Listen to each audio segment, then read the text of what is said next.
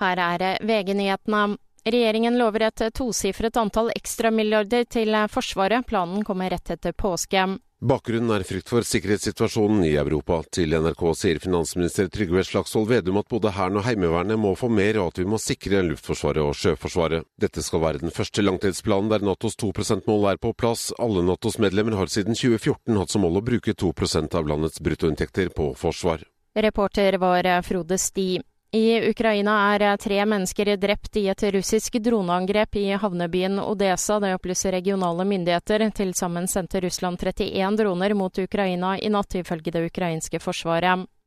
Det internasjonale pengefondet godkjenner en overføring på 880 millioner dollar, rundt 9,2 milliarder kroner, til Ukraina. Beløpet er den tredje fasen av en hjelpepakke på totalt 15,6 milliarder dollar.